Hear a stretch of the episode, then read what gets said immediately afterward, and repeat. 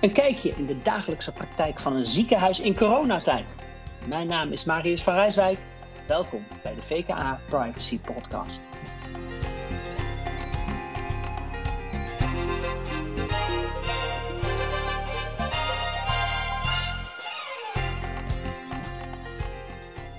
Deze uitzending staat in het teken van de hectiek binnen een ziekenhuis in tijden van corona. En vandaag in de uitzending spreek ik met Daan van der Triest en Hanneke Lut.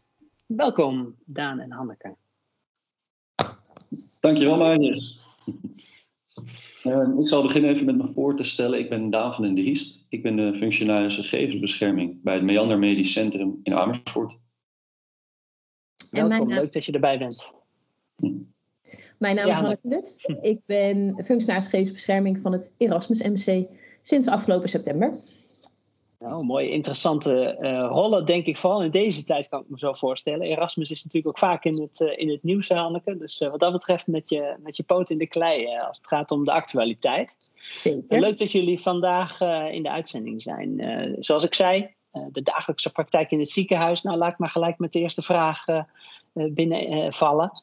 Hanneke, mag een ziekenhuis haar zorgmedewerkers vragen of zij positief getest uh, uh, zijn, dan wel gevaccineerd zijn? Dat is nou één vraag die bij mij al een hele tijd in mijn hoofd uh, rondtolt. Kan je daar misschien ja, wat, wat, over zeggen? Zeker. En dat is ook een goede vraag, want dat is ook een vraag die bij onze personeelsleden speelt, die ook naar voren komt. Hè, van mag dat? Hoe kijken jullie daar tegenaan? Ook omdat de autoriteit persoonsgegevens heeft gezegd dat dat niet kan. Dat werkgevers uh, niet mogen vragen aan personeelsleden of zij gevaccineerd zijn ofwel uh, positief negatief getest zijn. Um, en dat is eigenlijk ook hoe wij daar, uh, in elk geval binnen het Erasmus Museum mee omgaan. Wat wel zo is, is dat um, het testen van medewerkers zelf gebeurt ook bij het Erasmus MC. Maar dan bij de arbodienst, dus bij de bedrijfsarts. En dus de bedrijfsarts is intern, die test de de zorgmedewerkers. Dus je kunt je daar naartoe om je te laten testen. Dan kun je afspraken maken. Um, en die houden bij wie al dan niet positief getest is. En positieve testen moet je ook doorgeven aan de GGD. Het is een meldingsplichtig, uh, meldingsplichtige aandoening. Um, maar natuurlijk kwam de vraag op, zowel van medewerkers als van, als van afdelingshoofden. Joh, kunnen we ook zicht krijgen op die data eigenlijk. En daar is heel zorgvuldig mee omgegaan. Daar werd goed naar gekeken. Er is ook ons advies over gevraagd. Wat ik, wat ik heel goed, zo moet het ook. Maar het is altijd fijn om te zien dat het dan daadwerkelijk zo werkt. Um, en uiteindelijk heeft de, uh, en de Gezondheidsraad heeft er zelf ook iets over gezegd. Hè?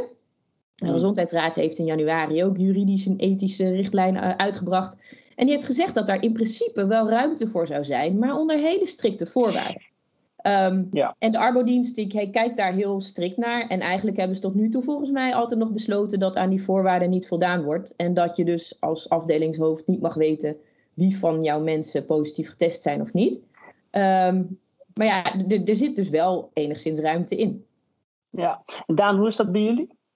Is dat dezelfde ja. lijn? Ja, dat is inderdaad vergelijkbaar. Um, uiteindelijk um, ja, heeft het gevaccineerd zijn ook geen invloed op verdere regels die gelden. Want ook als je gevaccineerd bent, dan moet er nog steeds ja, bij klachten gewoon getest worden.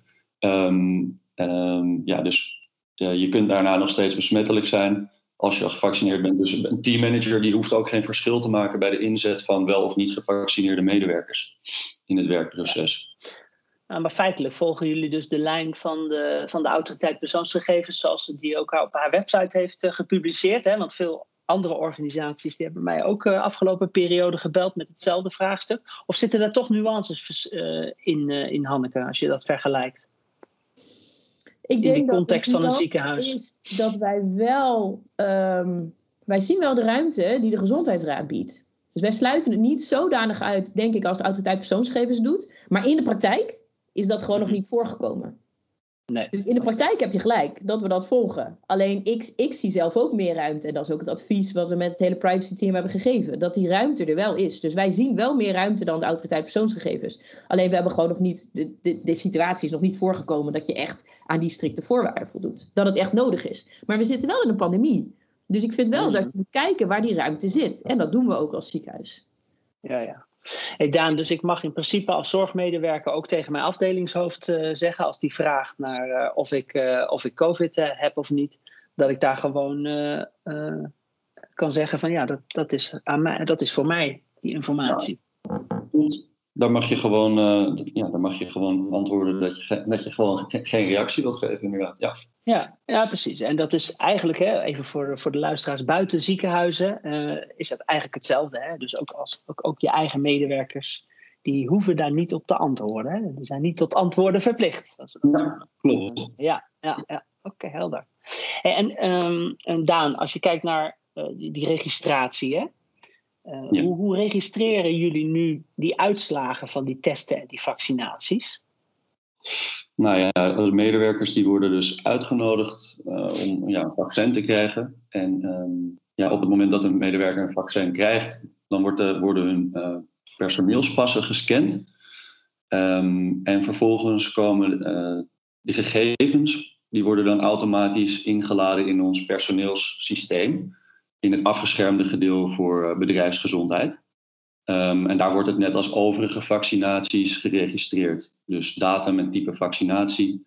Um, ja, op die manier registreren wij het voor onze medewerkers. En, de, en dat is dan allemaal uh, netjes geautoriseerd? Er kunnen exact. maar een beperkt aantal mensen in. Oké, okay, en er wordt ook gelogd uh, wellicht? Ja, ook dat inderdaad. Dus we, daarin uh, voldoen wij aan, aan de vereisten. Um, waar ik wel een beetje mee stoei, en wat ik wel een lastige vind, is dat ja, er ook verzocht is om inderdaad dan die gegevens uh, te delen met het RIVM op basis van toestemming. Mm-hmm. Uh, ja, het is natuurlijk heel erg ineens in de schoenen geschoven van, uh, van ziekenhuizen. Van ja, je gaat maar jullie personeel vaccineren. En mm-hmm. ja, daarmee moesten we dan de grondslag toestemming verkrijgen bij onze medewerkers om het te mogen versturen naar het RIVM, de vaccinatiegegevens. En ja, daar schuurt het een beetje, omdat je vanuit je hiërarchische verhouding werkgever-werknemer geen, um, ja, niet de, de, de, de, grondslag toestemming mag gebruiken. Ja, dus dat is wel een heel gevoelig. Hè? De AP heeft ook gezegd, oh, in sommige gevallen kan toestemming, uh, ook in die, in die machtsverhouding. Maar je moet daar heel, uh, heel voorzichtig mee omgaan. En dat is de worsteling die jij schetst eigenlijk uh, nu, Daan.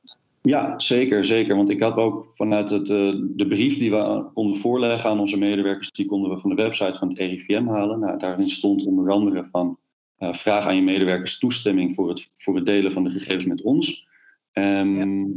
En ja, daar, als, als, als reden gaven ze aan de registratie is van belang voor het bepalen van de vaccinatiegraad en het monitoren van bijwerkingen.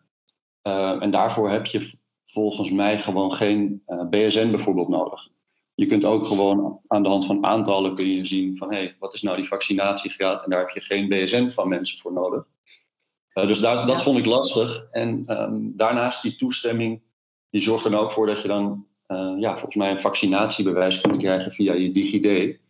Dus die toestemming, ja, dat vaccinatiebewijs, dat is natuurlijk voor heel veel mensen van belang. Want daarmee mag je naar het buitenland, mag je naar evenementen. En um, ja. ja dus ik denk dat die toestemming absoluut niet vrijgegeven kan worden ook. Dit heeft zoveel voordelen om wel uh, ja. dat vaccinatiebewijs te verkrijgen. Dat, ja. Er wordt bijna ook een ethische discussie hè, over. En, ja. en ook een, natuurlijk een fundamentele grondrechtendiscussie over onze vrijheid, onze uh, lichamelijke integriteit, hè, dat soort zaken. Ja, zeker. Ja, dat lijkt me een lastige afweging inderdaad. Hoe is die, uh, Hanneke, hoe is dat bij jullie, die afweging gemaakt?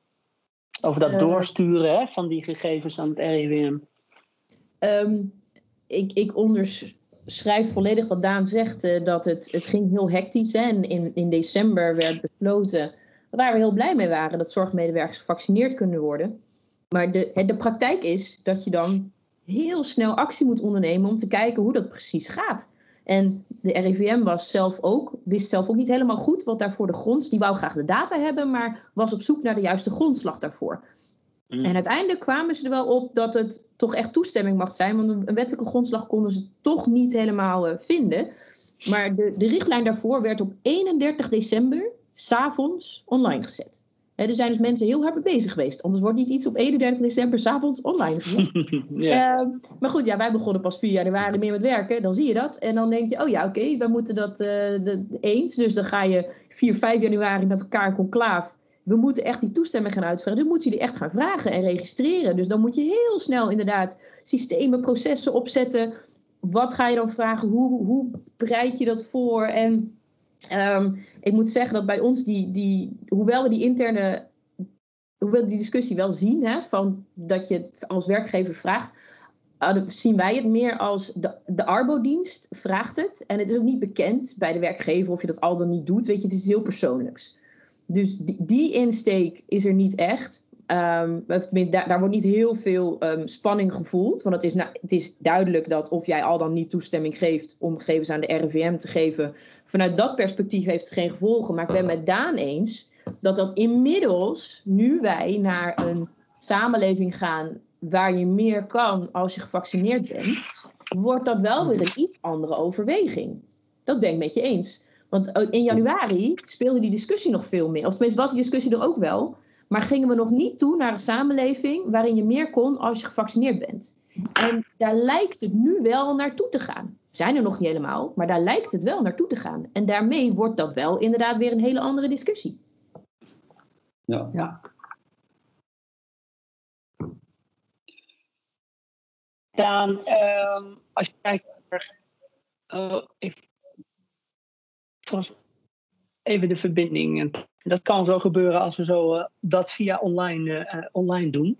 Ja. Um, excuses daarvoor. die, ik vroeg mij nog wel af, hè, als je kijkt naar die, die logging en, en die ging. we hebben natuurlijk het Haga ziekenhuis hebben we nog in ons achterhoofd zitten. Hè, als toegang tot dossiers en dergelijke. Uh, maar daarvan zeggen jullie van nou, die registraties ten, van dit soort uh, vaccin, of je wel of niet getest bent, geprikt bent en dergelijke, dat is allemaal, dat hebben we allemaal goed beveiligd en we hebben geleerd van, van, van de fouten. Kan ik dat zo zeggen? Ik kan zeker zeggen dat de zorg hier heel nadrukkelijk naar kijkt en heel serieus mee omgaat. Ja, dat geldt ook voor het mailen inderdaad ik denk dat de, de, alle ziekenhuizen wel uh, enorm geleerd hebben van de Haga-casus en nu recent dan ook weer de OGG-casus. Dus dat, ja. Ja. ja, dat is mooi. Dan uh, wordt dan in ieder geval. Dan leren we inderdaad van, uh, van, van dat soort zaken. Helaas dat het dan moet gebeuren, maar goed dat dat dan nu goed opgepakt wordt. Um, ik vroeg me nog wel af, is er ook, Hanneke, um, voor aan de deur, de reguliere zorg, is dat anders? Hoe gaan, hoe gaan ziekenhuizen daarmee om? Um, dat is, um, daar zijn natuurlijk nu heel recent ontwikkelingen over. Um, tot nu toe kon het Erasmus MC haar eigen medewerkers vaccineren en haar eigen patiënten als die in de doelgroepen vielen. en qua registratie, uh, dan kun je dat dus gewoon in de dossiers zetten die je hebt. Ofwel het systeem bij de arbodienst, ofwel je patiëntendossier, want het is gewoon je eigen patiënt. Wat heel recent bekend is geworden, is dat een aantal ziekenhuizen ook als priklocatie kan gaan fungeren. Wat betekent dat wij mensen gaan vaccineren die niet bij ons patiënt zijn. Dus we zijn, as we speak, aan het kijken hoe gaan we dat dan goed registreren. Want wij hebben geen patiëntdossier van die mensen. Maar we moeten het wel goed registreren. Dus hoe ziet dat er dan uit? Ja. Waar gaan we dat doen? Ga je, doen? Wat ga je, ga je dan nieuwe, Ga je dan nieuwe systemen in of, of ga je je huidige systemen daarop aanpassen? Hoe, dat is technisch is dat nog best een uitdaging. Naar kijken. Ja. Want kijk, normaal is het zo dat als iemand echt patiënt bij ons is, dan moet je, wil je heel veel dingen vastleggen. En de vraag is dus, als het alleen de vaccinatie is, je hebt alsnog een dossierplicht. Hè? Dus je moet alsnog goed dossier voeren. Maar kan dat dan mogelijk beperkter? Kan dat in een ander systeem? Of moeten we daar toch ons eigen het uh, patiëntdossier uh, systeem voor gebruiken? Dat is nu een concrete vraag die speelt. Maar ook hier zal het weer zijn dat we al op basis van toestemming van de mensen die we vaccineren hun gegevens doorgeven aan de RIVM. Wat wel zo is trouwens, als je geen toestemming geeft, dan wordt het anoniem doorgegeven. Dus er wordt wel doorgegeven dat er gevaccineerd is. Maar niet herleidbaar. Oké, dus je kan altijd, die, ja, die het wordt doorgegeven, maar dan als er geen toestemming is, dan mag je geen persoonsgegevens uh, verstrekken. Dus wordt het alleen maar, uh, ja, dan worden het eigenlijk statistische gegevens voor, uiteindelijk voor het RIVM. Ja, ja, klopt. Ja, oké. En jullie hebben dan ook een bewaarplicht natuurlijk, hè? Dus je zit met dat soort uh, gegevens, als medische gegevens. Ja. Moet je die ook een, een, behoorlijk aantal jaren bewaren, volgens mij, hè? Zeker, zeker. Ja, ja dat, staat, dat staat in de wet. ehm, oh, dit is echt zoiets van, correct me if I'm wrong, maar volgens mij is het 20 jaar. Ehm, voor een UMC is de discussie dat misschien de archiefwet geldt. En dat je het 115 jaar zou moeten bewaren. Dus uh, omdat UMC oh, ja. een uh, publiek Ja, maar die, die bewaartermijnen, Hanneke, dat is altijd een uitdaging. dat is altijd een uitdaging. Maar in elk geval ja. het lang bewaren. Dat is helder. Ja, want, Hanneke heeft het, uh, het klopt in ieder geval wel wat je zegt, die 20 okay. jaar. Het was recent 15 jaar, is het gewijzigd naar 20 jaar. Dus het, dat klopt inderdaad. Ja, ja. oké. Daan, uh, die, die, je beschikt dat natuurlijk op een gegeven moment met al die data, al die COVID-data, om het maar zo te noemen, mm-hmm. uh, die hebben wij straks. Hè, die is natuurlijk is uitermate interessant ook voor, voor onderzoek, voor trendanalyses en dergelijke. Uh, hoe, hoe, hoe kijk jij daar tegenaan als, als FG? Ja, dat is. Context? Ja, dat is wel een beetje een, een ja, een, een, lastige. Want uiteindelijk is het uitgangspunt dat je ehm, ja, voor COVID-data, als je dat wilt gebruiken voor, voor wetenschappelijk onderzoek, is het uitgangspunt altijd dat je toestemming moet hebben. Mhm. Ehm, maar in de WGBO, uh, de wet op de geneeskundige behandeling, behandeling ja. ja, Die, um, die, die, zegt dat, die maakt een uitzonderingspositie uh, waarin je uh, in sommige gevallen geen toestemming hoeft te vragen. en dan zijn ja, bijvoorbeeld als het onevenredig veel inspanning vergt om toestemming te vragen, of als het onmogelijk wordt, stel patiënten zijn overleden, ja, dan kun je geen toestemming meer vragen.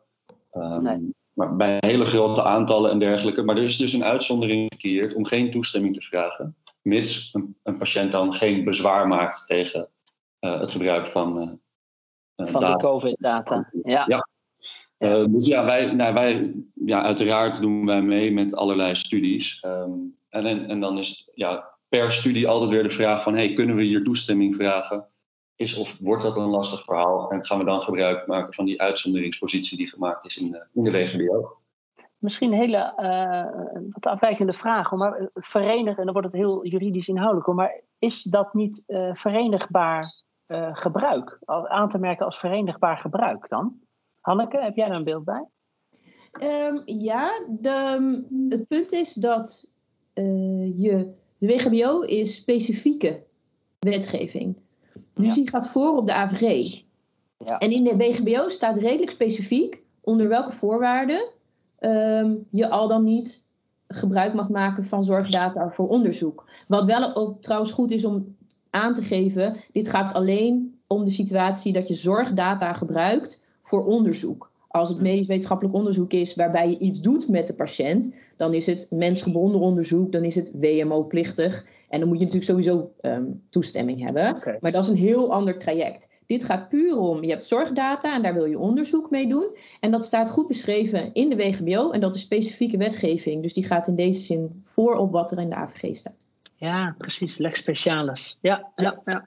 helder. Dus wat dat betreft ben je met een ziekenhuis met alleen de AVG ben je er natuurlijk niet. Hè? Je hebt al die medische uh, wetten die daar ook nog allemaal, uh, waar je allemaal rekening mee. Het lijkt me vrij complex om dat uh, compliance technisch allemaal goed, goed in te richten. Dus ik kan me Zeker. voorstellen dat dat, dat dat lastig is. En het is heel als... specifieke wetgeving, zeker, ja. Ja. ja. ik weet niet hoe jij erin zit, Hanneke, maar inderdaad vanuit Meander Medisch Centrum zijn we daarom nu ook wel aan het overwegen om ook compliance managers te gaan aanschakelen, inschakelen, uh, uh, aannemen. Kom even niet op het woord. Maar uh, omdat, ja, omdat er zoveel inderdaad wetgeving is en het is onmogelijk om voor een FG alle wetgeving te monitoren die van toepassing is op een ziekenhuis. Dus ik weet niet hoe, ja, hoe doen jullie dat bij het Erasmus? ik denk dat het, ook wij zijn hier nadrukkelijk mee bezig en kijken hoe we dat kunnen verbeteren.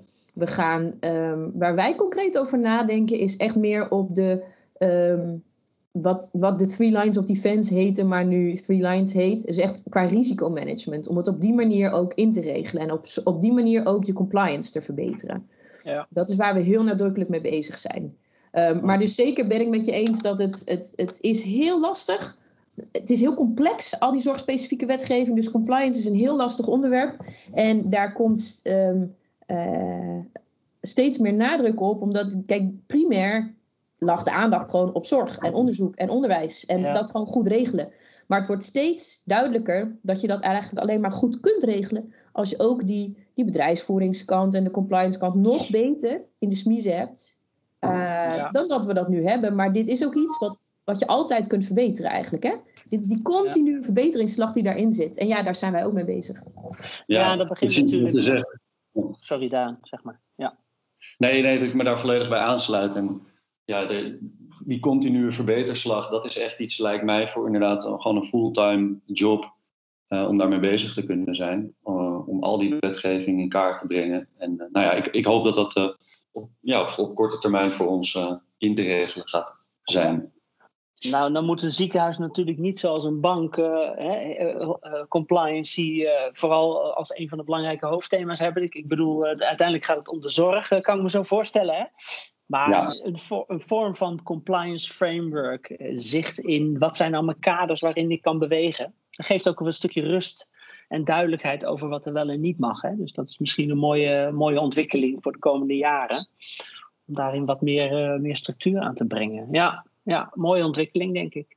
Misschien een laatste, want um, uh, de tijd gaat ook ontzettend snel. Hè? Dat merken jullie ook al. Dat, dat krijg je als je zo'n interessant onderwerp hebt natuurlijk. Maar die, die, wat, wat zeker voor, voor zorgmedewerkers een belangrijk punt is, is natuurlijk die transparantie, hè, die rechten van betrokkenen. Eh, waar de autoriteit persoonsgegevens natuurlijk ook veel aandacht voor uh, heeft gehad afgelopen jaren. Die transparantie richting zorgmedewerkers, Hanneke, kun je daar eens wat over vertellen in deze context? Ja, en ik ben natuurlijk in september binnengekomen en toen ehm, zag ik dat er bij het Erasmus C, eigenlijk al vanaf het begin van de COVID-pandemie, elke donderdag een podcast is, webinar eigenlijk. Ehm, ehm, vanuit het bestuur. En daar zitten ook echt gewoon de, de belangrijke mensen zitten daar aan tafel. En de bedrijfsarts. En die behandelen de, uh, de laatste ontwikkelingen. Kijk, nationaal, dat wel bekend. Dus het gaat vooral om regionaal. Hoe gaat het bij ons? En hoe gaat het in, in de regio? Hoe gaat het in het ziekenhuis? Wat zijn dingen die we jullie nu mee willen geven? Um, en uh, de helft, het is elke week dus een half uurtje, maar de helft van de tijd is ongeveer voor echt voor vragen die zijn binnengekomen. Dus je wordt, elke week krijgen we ook allemaal mails. Stel je vragen, we gaan ze behandelen. En al die vragen worden ook behandeld. En bijvoorbeeld kwam daar dus de vraag ook op in die, in die, uh, in die live sessie. Um, maar hoe zit dat met uh, de, mag een werkgever wel vragen? Um, wat, wat, mijn testuitslag is. En nou, dan wordt daar dus heel goed uh, op ingegaan. Want toen was net de AP, had dat toen net gezegd. Dus zijn de medewerkers daar ook, hebben daar vragen over. Die vragen kunnen ze stellen voor die live sessie. En toen heb ik uh, concreet, want toen zeiden ze, oh, daar gaan we even heel goed naar kijken. Nou, toen heb ik met dat panel geschakeld en gezegd, hebben wij dus het advies gegeven en aangegeven hoe dat precies zit met de arbodienst. En de week daarop is die vraag beantwoord. Um, Maar daar wordt dus heel laagdrempelig, er wordt heel veel aandacht gegeven aan informatieverschaffing aan de medewerkers. En dat vind ik ook heel erg goed. Ja, ja mooie manier om, uh, om, om ook ze gerust te stellen. Hè? En gelijk uh, spot on uh, wat dat betreft. Je hoeft niet lang met je vraag te blijven rondlopen. Je kunt wat dat betreft direct een antwoord krijgen en, en, ontzorgd worden misschien wel op punten waar je, waar je twijfels bij hebt. Ja, mooi. Daan, sorry, jij wilde... Nee, ik wilde er inderdaad even op inhaken. Nee, we hebben vanuit Meander hebben wij niet elke donderdag dat we inderdaad uh, via een live sessie vragen kunnen stellen. Ik herken me wel volledig in de transparantie. We krijgen gewoon heel veel updates over ja, inderdaad hoe de zorg in de regio is. De, de drukte in het ziekenhuis per dag, bijna wel de cijfers. Um, dus, en eigenlijk gewoon heel transparant. En ik denk dat dat ook een voorbeeld wel is vanuit de politiek gegeven. Doordat we gewoon elke dag op, op, het, op het hoogste niveau eigenlijk worden meegenomen in de cijfers, hebben denk ik alle ziekenhuizen uh, die transparantie ook overgenomen richting uh, haar eigen personeel. Nou, mooi zo. Heel goed. Mooi. Uh, misschien ter afsluiting, Hanneke, heb jij nog een tip voor, voor mensen die op dit moment in een ziekenhuis werken en die in die hectiek met, met privacy werken? Um, wat ik het mooiste vind om te zien, Um, want ik ben nieuw in de zorg sinds september. Maar ik vind de aandacht voor de mens vind ik zo mooi om te zien. En we doen het echt samen en we houden elkaar vast. En de warmte die daarvan uitgaat, die vind ik echt heel mooi. Um, dus ik zou zeker zeggen, weet je, hou dat vast, maar dat hoef ik niet te zeggen, want dat zit er gewoon inherent in. En dat is prachtig. Mooi, mooi. Daan, jij nog een tip, advies? Maar ik moet zeggen dat het. Uh, Bijvoorbeeld dat we heel last minute te horen krijgen van nou, we moeten nu ons personeel gaan vaccineren vanuit, vanuit het hoogste politiek, zeg maar. Eh, en dan ja, moet, worden de ziekenhuizen daarmee opgezadeld. Dat is eigenlijk, en dan zie je dat er allerlei problemen ontstaan, bijvoorbeeld zoals over de grondslag, wat nou de juiste grondslag is om al dan niet gegevens te kunnen delen met het RIVM. Ja, dat soort zaken, dat komt volgens mij doordat, ja, doordat zorg heel erg gedecentraliseerd is. Um, en uh, ja, ik denk gewoon uiteindelijk van probeer dat anders meer te gaan centraliseren. Want nu was het vanuit het RIVM heel lastig. Was, uiteindelijk besloten van het RIVM moet alle gegevens gaan verzamelen. En uh, die moeten er dan uh, ja, kijken hoe, ja, hoe, hoe de corona ja, vaccinatiestrategie gaat, zeg maar. Um, en ja, dus is, is dat nu dan de oplossing voor eigenlijk het jarenlange beleid van decentralisatie van de zorg? En ik denk dus misschien dat het het overwegen waard is door de coronapandemie om eens te kijken van kunnen we dat meer gaan centraliseren. Oké, dat is eigenlijk je oproep aan de politiek dan uh, ja. gedaan. Ja, oké. Nou, dat zijn mooie, mooie, mooie oproepen, denk ik. Mooie, mooie inzichten. Dank jullie wel, Daan en Hanneke. Leuk dat jullie er waren. Graag gedaan. Bedankt voor de uitnodiging. Vond het heel leuk.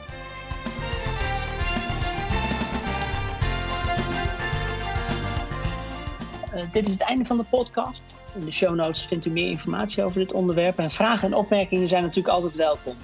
Dat kan via privacy.vka.nl. Mocht je nou geïnteresseerd zijn in het onderwerp, laat het ons weten. Deze podcast kunt u vinden op iTunes en Soundcloud, maar tegenwoordig ook op Spotify. Uh, tot de volgende uitzending.